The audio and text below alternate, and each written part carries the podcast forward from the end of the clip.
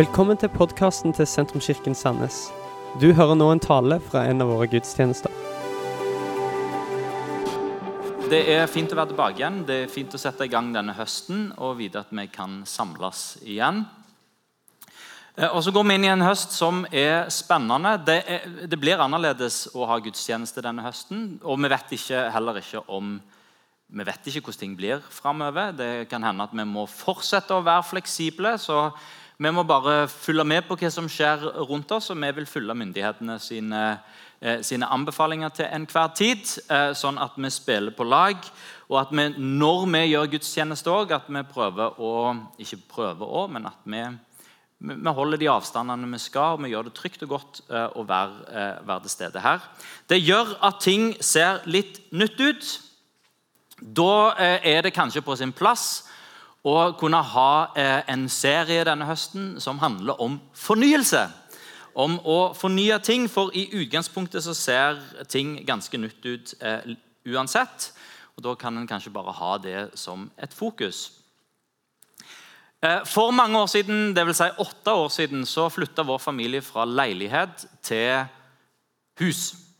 Eh, og Det er en fin ting å gjøre når en har en leilighet med to soverom og en har to små unger. Eh, fordi en leilighet med to soverom og to små unger den fylles opp med stæsj overalt. Eh, og det er umulig å holde orden på en liten leilighet når en har to unger der. Eh, en finner jo ut etter hvert at selv om at en får et stort hus, så er det jo kanskje ikke bare størrelsen på hus-leilighet som har noe å si. Det er umulig å holde orden på et stort hus òg når en har to unger der og noen rodehover til foreldre. men den, en gleder seg. Å, ut av leilighet, inn i hus! Det blir så fint. Masse mer plass. En har egne soverom til alle. En har TV-stue og stue og stort kjøkken. Alt dette kjempekjekt. Eh, men, eh, men, hus de kommer med hage.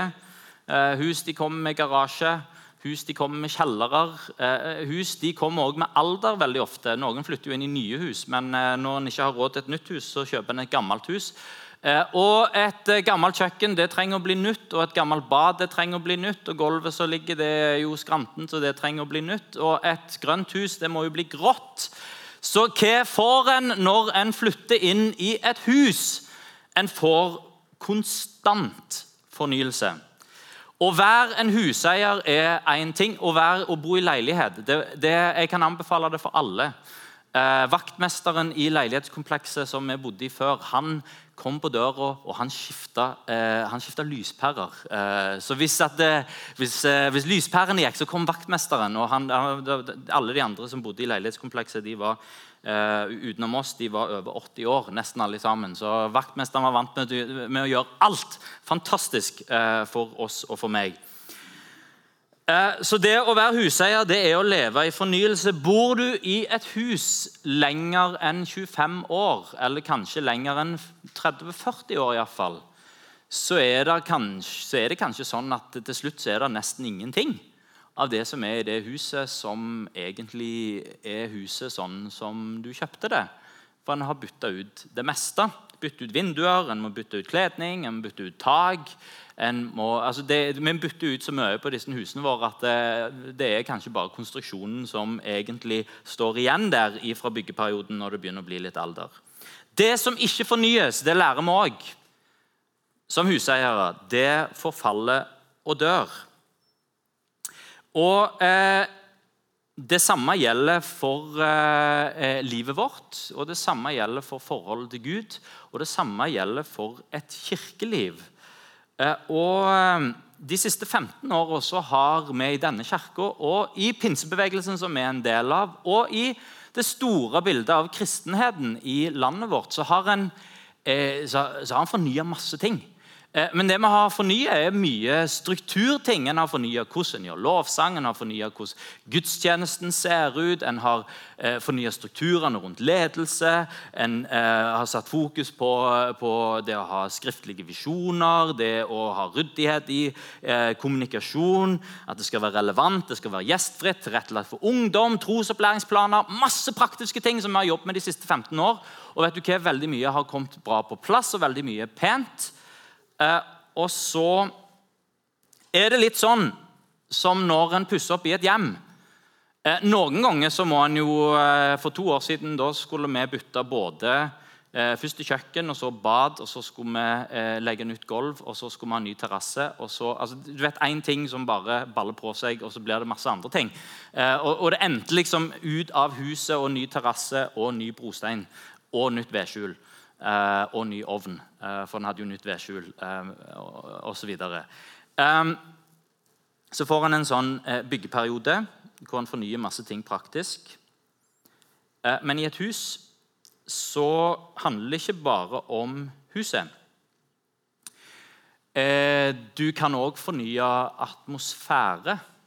Der er også, et, et hus er mange ting. Du kan ha et gammelt, stygt hus med fantastisk atmosfære inni.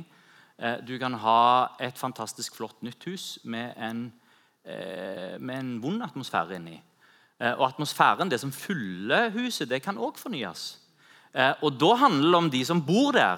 Hva fyller vi dette huset med? Hva type musikk fyller vi dette huset med? Hva type samtaler fyller en dette huset med? Hva aktiviteter foregår i dette huset? Hvordan forholder vi oss til gjester? Og så videre, og så videre. Og Disse tingene setter seg i veggene. Og et miljø og en atmosfære det kan vi òg fornye. Og Kanskje er det sånn i kirkelandskapet i Norge og kanskje også i denne kirka her, at en har fornya masse praktisk, og så er det eh, tid for å fornye det indre livet. Det som fyller huset, det som huset er fullt av, den atmosfæren, det som gir liv. Og Når vi snakker kirke, og når en snakker åndelig liv og når en snakker Gud, så har atmosfæren og det som fyller et kirkemiljø, og som fyller den troende, og som gir liv, det har med Gud å gjøre. Og Jeg har lyst å lese en sånn klassiske vekkelsestekst som, eh, som leses i vekkelsesmiljøer, hvor en lengter etter at Gud skal gjøre noe, og at Gud skal fylle eh, sitt folk med sin ånd. Dette er fra 2. krønikerbok 7, 11-16. Det handler om da, kong David, som har satt i gang byggingen av eh, tempelet. Eh, han har samla inn både penger og materiale til å bygge tempelet. Eh, lagt tegningene og vet hvordan ting skal se ut. Men eh, han får ikke kommet i gang sjøl. Det er hans sønn Salomo som får i oppdrag. Du, min sønn Salomo, du bygger huset. For bygge Guds hus. Det blir ditt livsoppdrag, og han bruker livet sitt på å gjøre det. Og Når han er ferdig, så har de innvielse. Og da, da, da, har de bønn. Og Salomo han ber til Gud, og Gud han fyller tempelet med sitt nærvær. og Gud han taler tilbake igjen til Salomo. og Det leser vi om her. Salomo hadde nå fullført både Herrens hus og kongeborga. Alt det han hadde bestemt seg for å gjøre med Herrens hus og sitt eget, det hadde lykkes for han. Da viste Herren seg foran om natta og sa til han, jeg har hørt din bønn og jeg har utvalgt dette stedet til et offertempel for meg.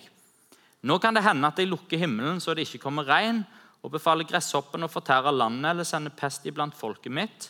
Hvis da dette folket som mitt navn er nevnt over, ydmyker seg og ber, søker å vende seg bort fra sine onde veier, da skal jeg høre fra himmelen, tilgi de syndene og lege landet.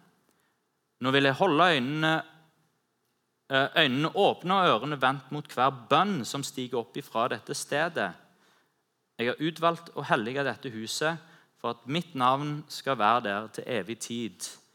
Mine øyne og mitt hjerte skal alltid være vendt mot det. Hva handler dette om? Gud fyller sitt hus med sitt nærvær. Salomo han innvier da Guds hus. Han innvier tempelet til Gud. Og Gud svarer på denne innvielsen med å fylle hele tempelet, og de som er til stede, merker det. Nærvær som merkes. Gud fyller sitt hus i Gamletestamentet, og så fortsetter han med det i Nytestamentet. Det er noe som vi kan lengte etter. Det er noe som vi kan forvente. Eh, og hvorfor kan vi forvente i dag at Gud skal gjøre det som han sier her? fylle sitt hus med sitt nærvær, fylle oss med sitt nærvær. Har, dette, er, dette, kommer til å bli en superenkel eh, preken eh, basert på denne tekst, den er så banal at det, det, det er bare å lese teksten, så finner du ut sjøl. Men mange av de bibelske sannhetene er banale. Hvorfor kan vi forvente at Gud Ikke banale, det var feil. De er enkle. Eh, eh, jeg tar det tilbake igjen. Sannhetene for Bibelen er ikke banale. De, kan, de er enkle. Eh, og de, eh, de, kan forstås, eh, ikke bare av den som er særdeles intellektuell. Hvorfor kan vi forvente at Gud fyller fellesskapet vårt og oss med sin ånd? Første tingen her Herren fyller de som bærer hans navn. Og I Gamle Testamentet så bærer israelsfolket de bærer Guds navn. Det er, det, er, det er, Guds folk. De skal være mitt folk. Eh, og tempelet bærer jo også Guds navn. Tempelet er Guds hus. Eh, og hva har i alle dager har det med Sandnes og, to, og, og, og 2020 og nordmenn å gjøre. I Romerbrevet 11 så snakker Paulus om dette eh, og sier at kirka, de som tror på Jesus, de er og Guds folk. En er på en måte som ei grein som er poda inn på stammen. med andre ord Når du tar ei løs grein og så lager du et hull i stammen, og så putter du greina inn der, så vil den greina etter hvert, hvis en har gjort det rett, så vil den kunne ta ut næring fra treet. Og til slutt så blir den en del av treet. Det dette bildet her bruker Paulus på hva det vil si å være kirke. Det er ei grein. Hedningefolket, hedningefolk, alle de som ikke tilhørte Guds folk, israelsfolket, er nå blitt poda inn på treet og blitt Guds folk gjennom troen på Jesus. Det er en selvforståelse som en kan ha av hva det vil si å være en troende. En er Guds folk. Det er en uten at Gud har glemt sine løfter til det jødiske folket. Så kaller Paulus han tar det et steg videre. Og Han sier at kirka er nå Guds hus. Eh, og Det blir veldig tydelig når romerne i, eh, i år 70 eh, etter Kristus ødelegger Jerusalem og de ødelegger tempelet. Noen kristne tenker at det er hver person som er Guds tempel. At det, er, at, at det, er, på en måte kroppen min som er Guds tempel, og som bærer Gud i seg. Det er kanskje en litt sånn individualistisk forståelse av hva Paulus egentlig sier om at vi er Guds hus og Guds tempel. Det er fellesskapet av de troende. Det er eh, grupper gruppa av de troende det er de troende sammen som er Guds hus. En snakker om at det er akkurat som levende steiner som er bygd sammen, og som til sammen blir bygd opp til et tempel som blir en bolig for Gud. Og der føler Gud seg hjemme. Egentlig en lang sving for å kunne si at på bakgrunn av dette så kan vi ta det løftet som Gud gir til Salomo om sitt tempel og tenke at det gjelder òg det huset som jeg er en del av. Det gjelder den verdensvide kirka. Det gjelder vår lokale grein av kirka i Norge. Og det gjelder vår svært lokale del, eh, grein av kirka som vi finner her i Sandnes. Og så bærer hver enkelt troende òg hans navn. Den første kirka ble kalt de, kalte ikke seg sjøl for kristne. De kalte seg sjøl for Veien. Vi tilhører veien fordi en så på det å tro på Jesus som en, eh, en, vandring. Det er en vei som en går på. Vi følger etter Jesus. Det er sånn som vi ser på det å være en troende. Mens folka rundt de kalte, eh, de kalte de troende for kristne fordi at en ligna på den som de fulgte etter, på Kristus. De var små bærer, Den som er kristen, bærer hans navn.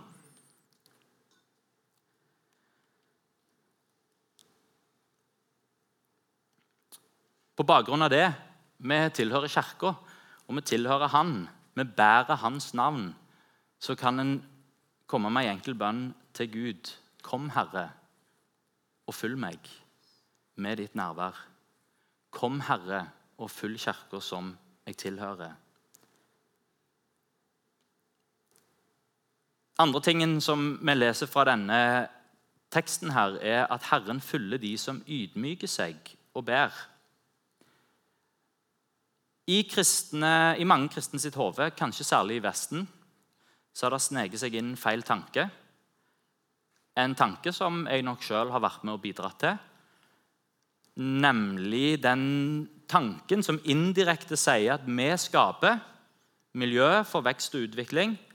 Og når vi bare gjør ting rett, så skjer det ting. Altså Litt som en sånn kokebok. Eh, jeg, jeg har blitt glad i å lage mat de to siste åra. Jeg klarer fortsatt ikke det uten å forholde meg til eh, steg for steg oppskrifter. Eh, jeg, jeg, må ha ingrediensen. Hvis ikke alle ingrediensene som står i oppskrifta, er til stede i kjøkkenet, så må jeg til butikken og kjøpe. Fordi jeg vet jo ikke hva skjer hvis jeg tar vekk den lille ingrediensen. Blir det da det samme? Eh, og jeg vet ikke hva jeg kan bytte den ingrediensen med. Så, så jeg må slavisk følge oppskrifta, sånn at jeg vet jeg får det som jeg har lyst til å få ut av dette. Um, og, og, det funker jo. Det er, det, det er, jo en av de tingene som er kjekt med å, å begynne å lage mat. det er jo at Når en følger oppskriftene og prøver liksom å lære seg triks og, og, og øve seg litt, så, så, går det jo. Her er ingrediensene, og her er oppskrifta. Og så ble det middag av det, og det smakte sånn, eh, sånn av og til greit nok pluss, og noen ganger sånn faktisk ganske greit. Eh, og så tenker vi at kirka er litt det samme. For hvis vi bare kjøper Og, og dette har av at vi har, vi har fiksa så mange praktiske ting de siste 15 år. Vi har, vi har endra på ting i kirka, struktur og hvordan vi gjør ting. og Det skal føles sånn og det skal oppleves sånn. og Vi skaper atmosfære og vi gjør det ene med det andre. Kjempebra! Og Så kjøper en bøkene. og så tenker en at Hvis vi bare følger eh, kirkeoppskriften, f.eks. til Rick Warren som, har, eh, som, begynte menighet på slutten av 80-tallet eller begynnelsen av 90-tallet. Og som hadde en klar tanke på vi gjør sånn, sånn, sånn, sånn, sånn Purpose Driven Church. Starta med eiendomsmegleren sin, som, eh, som, han skulle få hjelp til, til å finne lokalet, pluss noen naboer og kona og ikke så mange andre. Og så går det liksom 30 år seinere, så er de 30 000. Uh, og, og, og, han har solgt den ene boka si i så mange eksemplarer at uh, han er vel blitt noe sånt som eh, verdens mestselgende forfatter eller noe i den gata der. Så leser vi boka hans og tenker at ja, men hvis vi bare følger kirkeoppskriften til Rick Warren Det er ikke sikkert vi blir 30 000, eh, men vi blir sikkert 1000 hvis vi bare gjør dette rett. Fungerer det for han, så vil det vel fungere for oss òg hvis vi gjør oppskriften Mitt systemhode tenker sånn. Hvis systemet er rett, så ja, men da, da får vi jo resultatene. Og det gir oss ubevisst stress. For alt som da ikke fører til resultater, det kan jo spores tilbake til menneskelig svikt, eh, som fører igjen med seg mer stress. Jeg tror på å gi Gud sitt beste. Jeg tror på at vi bygger kirka ikke med venstre hånda, jeg tror vi bygger kirka ikke med å gi på en måte restene til Gud. Først har vi fest hjemme, og så ser vi ja, det var et kakestykke igjen. Det tar vi til kirka. Det er sikkert noen som har lyst på det. Eller vi kjøper ny sofa. Eh, den gamle sofaen er 20 år gammel og han er litt ødelagt. og det er masse kaffeflekker. Eh, skal jeg gi han vekk på Finn, skal jeg hive han, eller skal jeg gi han til kirka? Eh, jeg har ikke tro på den måten å gjøre kirka. Jeg har tro på å gi Gud sitt beste. og ikke gjøre venstrehåndsarbeid ære Gud med sine henders arbeid og sine talenter og, og, og, alt dette, men samtidig det er ikke vårt arbeid som Det er ikke det som skaper det som Gud vil gjøre. Og Her sier denne teksten her, eller Gud sier til Salomo, den som ydmyker seg og ber. Hva betyr det å ydmyke seg? Det betyr å tone ned sin egen rolle og ydmykhet la meg bare si det, det er ikke en sånn personlighetskarakteristikk som passer på noen mennesker. Som, ja, her har vi sånn typisk litt ydmyke mennesker, og her har vi litt sånn cocky, ikke ydmyke mennesker. Men eh, ydmykhet det er noe som kjennetegner den som bærer Guds navn. For det å tro på Jesus handler i første omgang om å forstå at jeg klarer det ikke sjøl. Jeg trenger hjelp.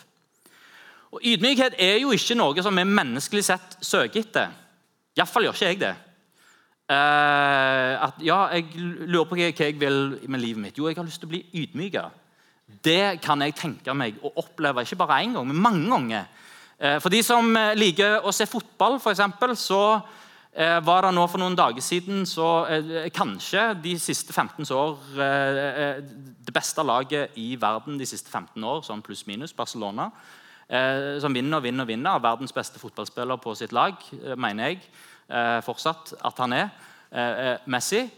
spiller mot Bayern München i kvartfinale. Ikke finale, kvartfinale i Champions League. og taper 8-2. Det kalles en ydmykelse. Det er som når Brasil tapte mot Tyskland. det er tyskerne, de ydmyke folk. Eh, Tapte 7-1 i, kvartfinalen i VM. Det er en, en ydmykelse. Det er, noe, det er, ikke sånn at de står etterpå og smiler for det. Vi ble ydmyka. Hvis en blir ydmyka på jobb, så er det fordi en ikke har gjort jobben sin. På fotballbanen handler det kanskje òg om hvis du blir slått tunnel på. Petter Northug har blitt litt ydmyka nå det er når vi ikke får det til. Det er i relasjoner eh, der kanskje en blir ledd, på, ledd av på en litt sånn ufin måte. og En ikke kan forsvare seg, en krymper seg, føler seg liten. Å være ydmyk er ikke en god plass å være. Og Gud spør oss om å finne den plassen sjøl. Ikke å bli ydmyka, men å ydmyke seg. At en tar posisjonen av at jeg klarer det ikke. Hvorfor kan dette være en god posisjon å være i? Jeg tror det er en god posisjon å være i òg om en ikke tror på Gud. For det Ydmykhet, hva er det egentlig for noen ting? Det er det motsatte av stolthet. Bibelen sier det at uh, Gud står den stolte imot, men den ydmyke gir han stor nåde. Uh, Jeg liker ydmyke fotballspillere, siden jeg brukte det eksempelet. Eh, som eh, når en får fokus på seg sjøl fordi en er dyktig, som bruker det fokuset til å, og, og liksom ta det mot seg, men geleider det på en måte fint en annen plass.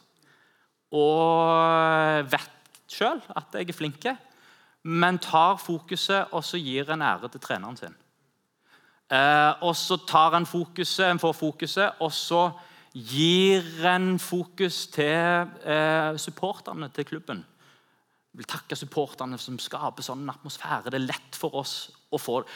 Og som får fokus sjøl fordi en skårer mange mål og gjør mye spektakulært, men som gir ære til sine lagkamerater og til laget som fungerer og som ser seg sjøl som en del av noe større enn seg sjøl, og som ikke forklarer eh, mitt lags store eh, resultater basert på mine skills og hvor dyktige jeg er. Det skjer noe med oss i møte med ydmyke mennesker som klarer å ta et fokus på seg sjøl og gi det videre til noen andre. Det koster å være Ronaldo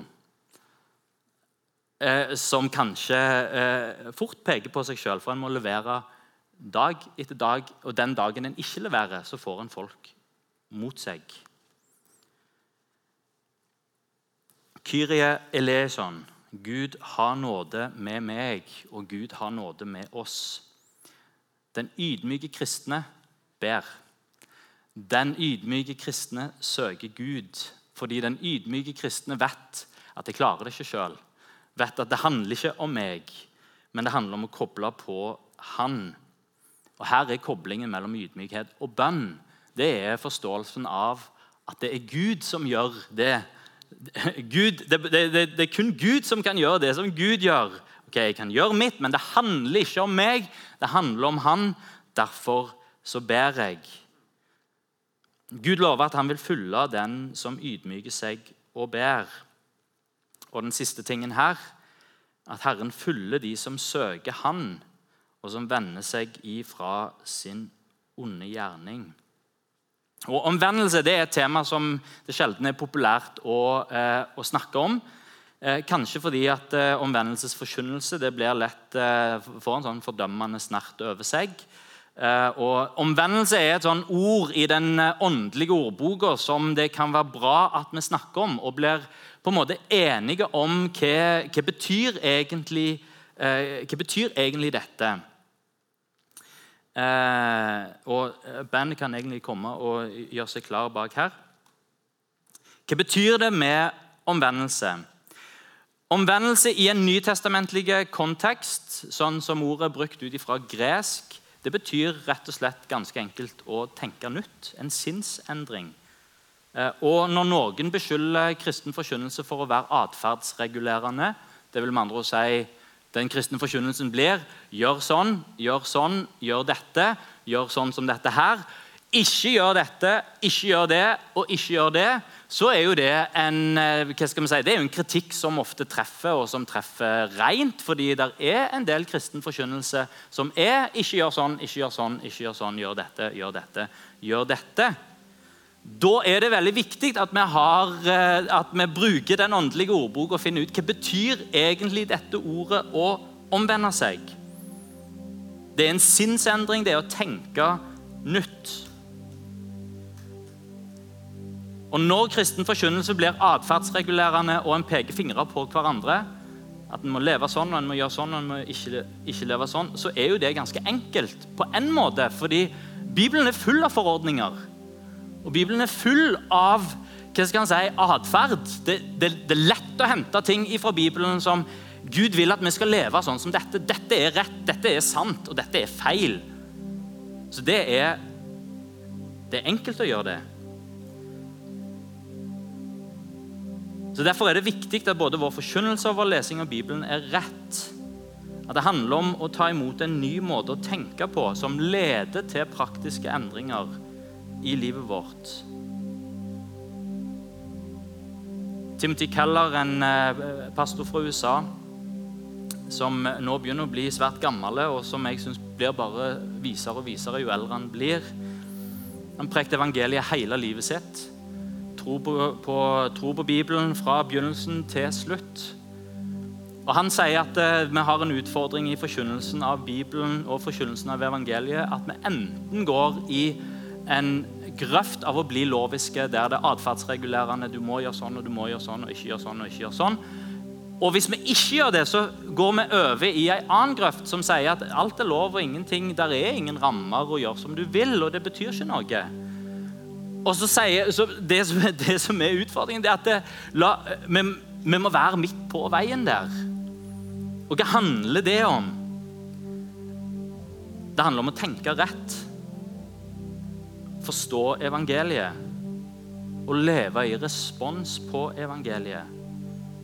Jeg tjener fordi han har tjent meg først. Jeg gir fordi han har gitt meg. Jeg bøyer meg ned og tilber fordi han er opphøyd. Jeg tilgir og lever i tilgivelse fordi jeg er tilgitt. Jeg viser nåde fordi han har vist meg nåde. Jeg åpner min dør og viser gjestfrihet mot min nabo fordi han har tatt meg imot og åpna sin dør til himmelen og vist meg gjestfrihet og ønsket meg hjem. Og våre moralske valg er knytta til en ny måte å tenke på. Der jeg vil elske Herren min Gud av hele mitt hjerte, av all min sjel, av all min forstand. Og så vil jeg elske min neste som meg sjøl. Da, nytt, det, da, kan vi tenke nytt rundt vår seksualitet, rundt forholdet til alkohol og rus, rundt forholdet til makt og, og, hvordan vi omgås andre mennesker, fordi vi tenker nytt. Jeg vil leve på en sånn måte at livet mitt ærer Gud. At jeg elsker Han, og at jeg elsker min neste. Johannes han sier det så enkelt som at den som sier han elsker Gud, men hater sin neste, han lyver.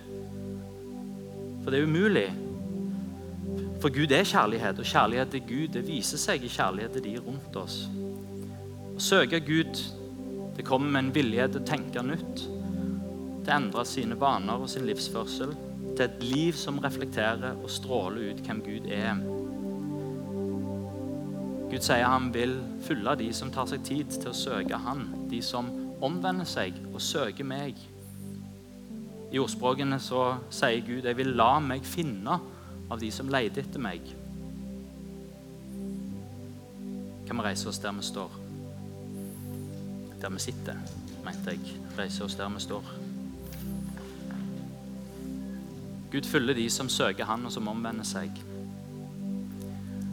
Tenk om en sammen denne høsten var stolt over å bære Hans navn. Ydmyke seg på egne vegne, kanskje også på andres vegne. Og be søke Gud, både alene og sammen med andre.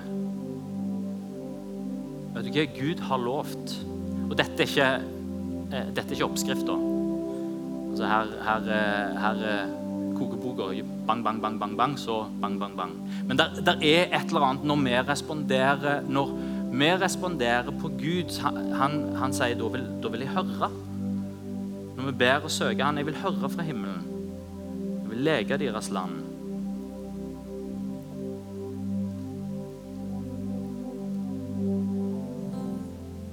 Ikke lukke øynene våre der som vi står? Så ber vi sammen. Herre Jesus, jeg ber for oss som står her. Står her foran deg, Herre. Herre, vi ber for denne høsten. Ber om at du fornyer vårt indre.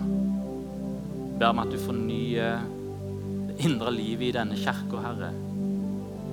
Herre, vi vil ydmyke oss, vi vil be og søke deg. Ber Herre, kom du og fyll oss med din ånd og med din herlighet. Kom du og tal til hjertene våre, Herre. Kom du og fyll våre hjem ifra fra mandagen av og gjennom arbeidsuka, Herre. Kom og fyll våre arbeidsplasser og vår hverdag og vårt liv med din nærvær og din ånd. Ber vi, Herre, når vi samles til gudstjeneste, Herre, samles for å tilbe og for å ære deg. Vi ber at du er her og fyller fellesskapet med din ånd og med ditt nærvær og din herlighet.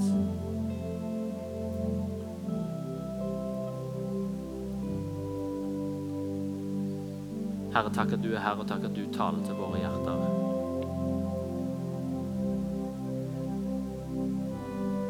Og mens vi bare gir hverandre et personlig øyeblikk, så er min invitasjon i dag den, den er litt annerledes. For jeg har lyst til å invitere oss denne høsten til å være med og be.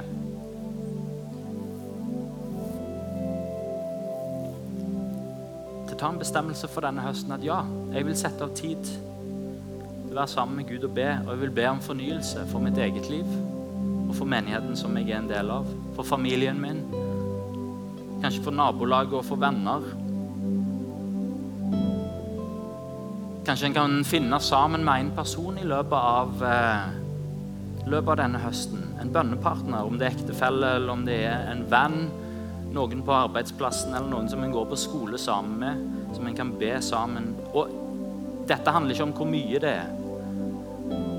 Men denne høsten her, til å ta dette her, denne bibelteksten her, fra 2. Krønikebok 7,14, ta den på alvor. Vil ydmyke meg og be. Jeg vil omvende meg og søke Herren. I tro til at Han følger meg, og i tro til at Han følger fellesskapet jeg er en del av. Takk, Herre, for at du hører vår bønn denne høsten. Takk at du hører vår individuelle bønn. Takk, Herre, at du hører vår bønn når vi ber sammen. Kom og fyll ditt hus Dette var slutten på denne talen. Håper du har blitt inspirert. Om du har lyst til å vite mer om hvem vi er, eller hva vi gjør, eller har lyst til å høre flere podkaster, så kan du besøke vår nettside sentrums.no.